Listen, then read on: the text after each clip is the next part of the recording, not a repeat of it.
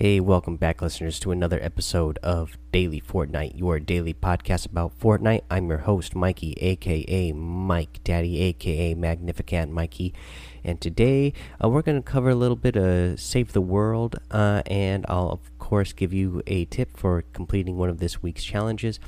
But we got a big um, note uh, from from the Fortnite team uh, talking about Save the World, and that's not something we normally cover on this podcast, but we're going to cover it here because they put out a pretty big um, uh, statement here saying, you know, that that is the state of the development. So let's go over what they uh, have to say here. Save the World State of Development, June 2018. It's by the Save the World dev team. Again, we'll go ahead and read this out just in case any of you out there do play Save the World. I still never even played Save the World at all myself, uh, but you know, this is just more uh, what they have to do about changing the game.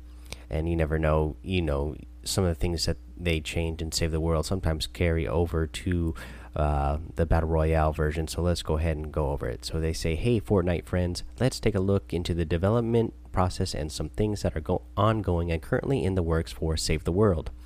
Player reporting.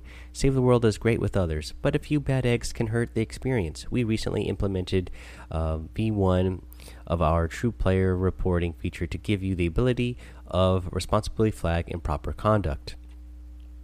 Um, you know, they say save the world, uh, save the world is great with others, but a few bad eggs can hurt the experience. It's the same thing for battle royale. So you know, this this will apply for that as well. Reports are coming in are, coming in and we're analyzing the types of behaviors that are major problems for the community. Starting next week, you'll receive an in game message when we take action against one of the players you reported.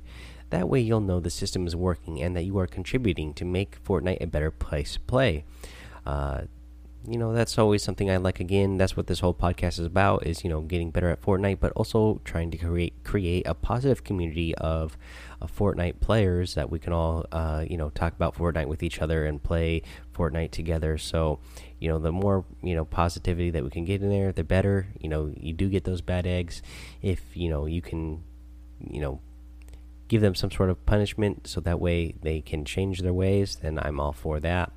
Not every report will generate a penalty, and the reporting system is geared toward serial offenders. Penalties will range from warnings to escalating bans up to a permanent ban. We'll continue to refine this feature with your help. Canny Valley. We are happy to announce that Canny Valley campaign as well as a new biome are landing in the near future. We'll deliver the first act of Canny Valley shortly after version 5.0. Canny Valley will take you through the arid parts of the Fortnite world with many new and unique places to explore. The story will answer many questions. Was Dr. Vinderman a hero or a villain? What happened to him? Who is the real Ray, and where is she? What really is the storm, and why did it happen? You'll also see Lars and his band, Steel Wool, Dennis Penny, and all the other characters you love, along the iconic locations and enemies. Heroes and Schematics. Do you enjoy min maxing on your way to defeating the storm? We've introduced new features that make it easier for you to zero in on particular rewards or configurations, and we have more on the way. Collection book research and recruitment. We're adding an in extension to the collection book that will empower you to directly acquire specific heroes and schematics.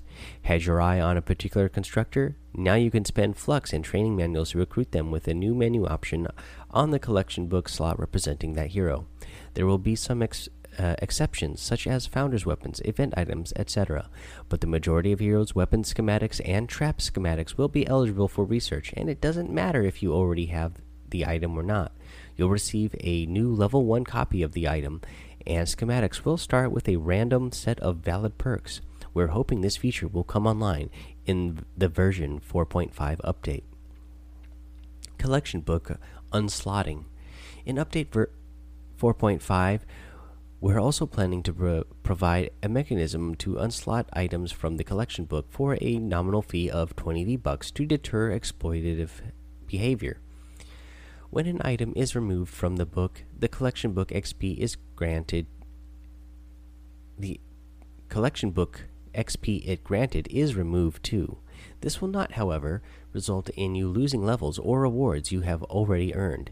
You'll just have to pay back this lost XP before the book will continue advancing.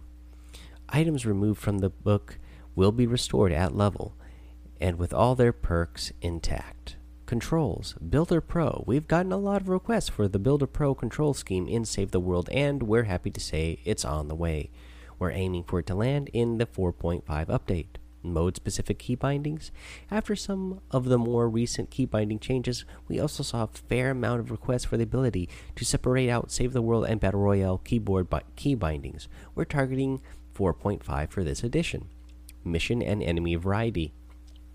We've had a lot of requests for increased variety in both missions and enemy types, and we continue to prototype in this area. We'll have more to share in the future, but you can look forward to at least two brand new enemy types in the next few months. In the short term, a more powerful variant of the Shielder will be coming very soon, followed by his new friend, the Zapper.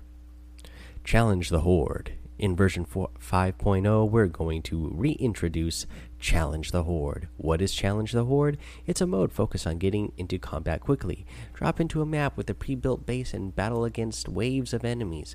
But with limited time to craft weapons, build, build structures, and lay traps, Challenge the Horde will be the focus of our version 5.0 event and the primary source of event tickets. The mode will come with several improvements. Reward reworked difficulty progression. Horde Hexes will now unlock based on both campaign progress and completing previous tiers of Horde combat. This lets you jump into Horde at a difficulty you feel is appropriate, and then push up into higher difficulties of Horde without having to further advance your campaign. Reworked combat. Playing a full set of 10 waves was a significant time investment last time around, so we're looking to shorten the number and length of waves. The Horde map itself is also getting reworked, featuring the new arid biome, and we're bringing the four bases closer together. Mini bosses. We want to integrate mini bosses this time around. Mini bosses will start spawning in during higher difficulty encounters at a randomized rate. We also want to reduce the randomness of the waves as a whole so you'll be better prepared before the next wave starts. New rewards. We're adding better rewards. These rewards can consist of gold, event tickets, and perk materials, and the amount awarded has been increased since the last event. Fortnite's first birthday. We're approaching Fortnite's first birthday since entering early access. More details to come soon, but you can expect a special anniversary llama with some nostalgic goodies. Save room for cake.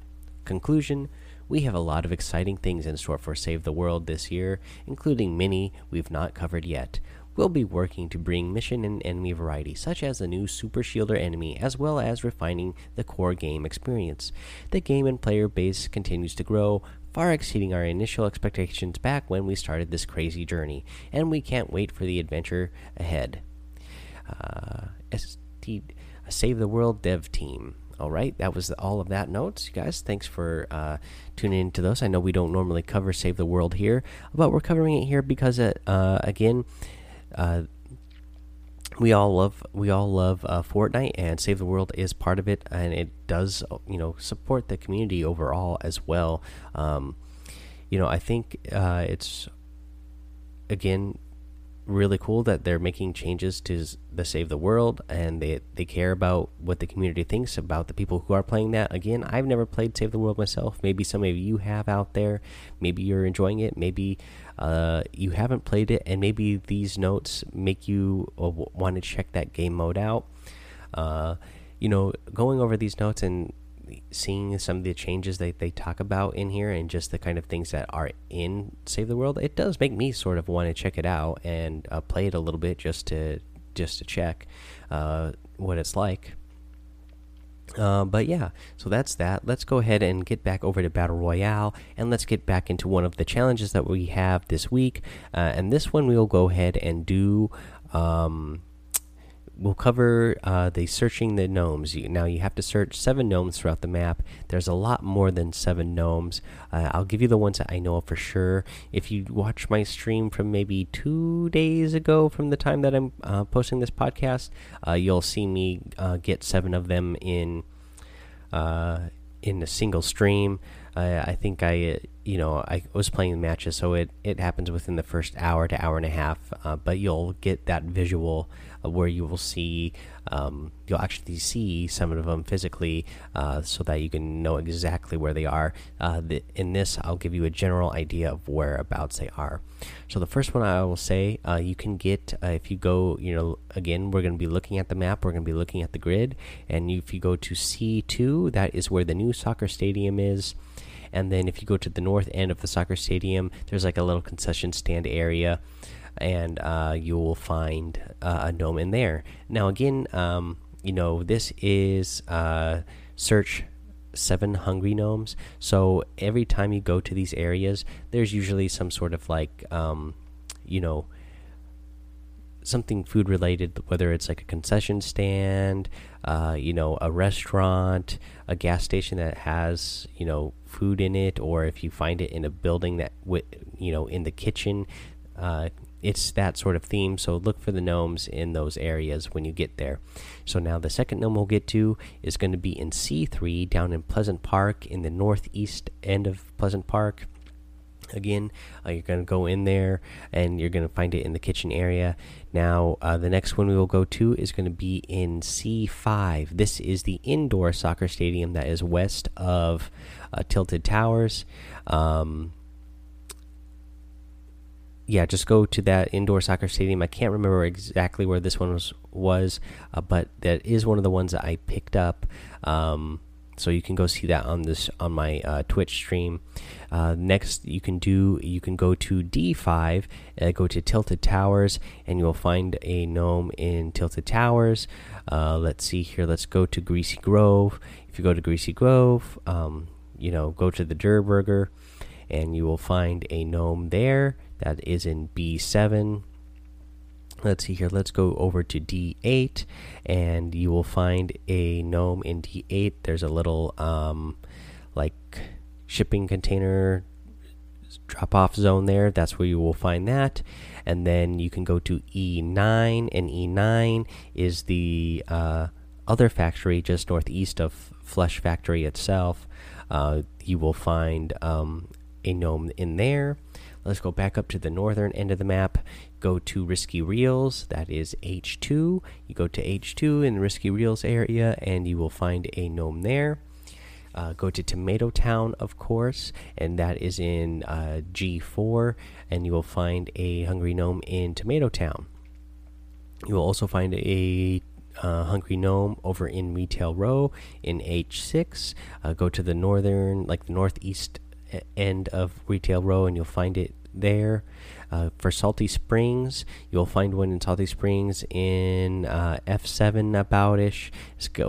Again. This is going to be on the eastern side of uh, Salty Springs, and then uh, you will find a hung uh, a gnome in another like uh, kind of a shipping area in. Let's see here. This is I seven, and you'll find one in Moisty Mire. Um, this is another one I remember for sure that will be on the stream that you can go back and look over on Twitch. Uh, but Moisty Mire uh, in the movie set area on the west side. Uh, so if you go to uh, I nine and you go to that uh, the western edge of the I nine, uh, you will find a hungry gnome there. And the final one is in Lucky Landing. this is um, F ten. Go to the southern end of Lucky Landing. I think this is one of the other ones that I got. I don't remember for sure, but uh, there's like a little uh, noodle shop, I believe, that uh, you find that one in. But yeah, that's all the hungry gnomes that I know about for sure. Uh, so go check those out. Uh, get those hungry gnomes. Uh, hopefully, you guys have already completed all the previous week's challenges and you've already got that blockbuster skin. but you know, you can keep completing these challenges and getting your season level up. That way, you can unlock some more, uh, some more of those uh, other, you know, carbo carbide costumes and the Omega costume uh, upgrades. Uh, let's see here. I think that's all I'm going to get to today. I gave you a little tip for that. We covered a lot of Save the World again. Maybe you guys are interested in playing that now. That now, like I said, I, I might play it a little bit. Uh, it does make it sound even a little bit more interesting now that they gave us that little uh, message there. Um, no new iTunes reviews today, but yeah, make sure you guys head over to iTunes, rate, review, and subscribe uh, to the podcast. Remember, you know it's it, it's all free. Uh, same thing for Twitch. If you go ahead and go over to Twitch and just give me a follow, it's free to follow me over on Twitch. Again, all those links are in the show notes and in the podcast description. Um, let's see here. Yeah, guys, that's all for today. I'm going to be back tomorrow. I'm going to help you out uh, completing some more of these challenges. I'll bring you some more tips as well uh, for the actual gameplay itself. And uh, yeah, until then, have fun, be safe, and don't get lost in the storm.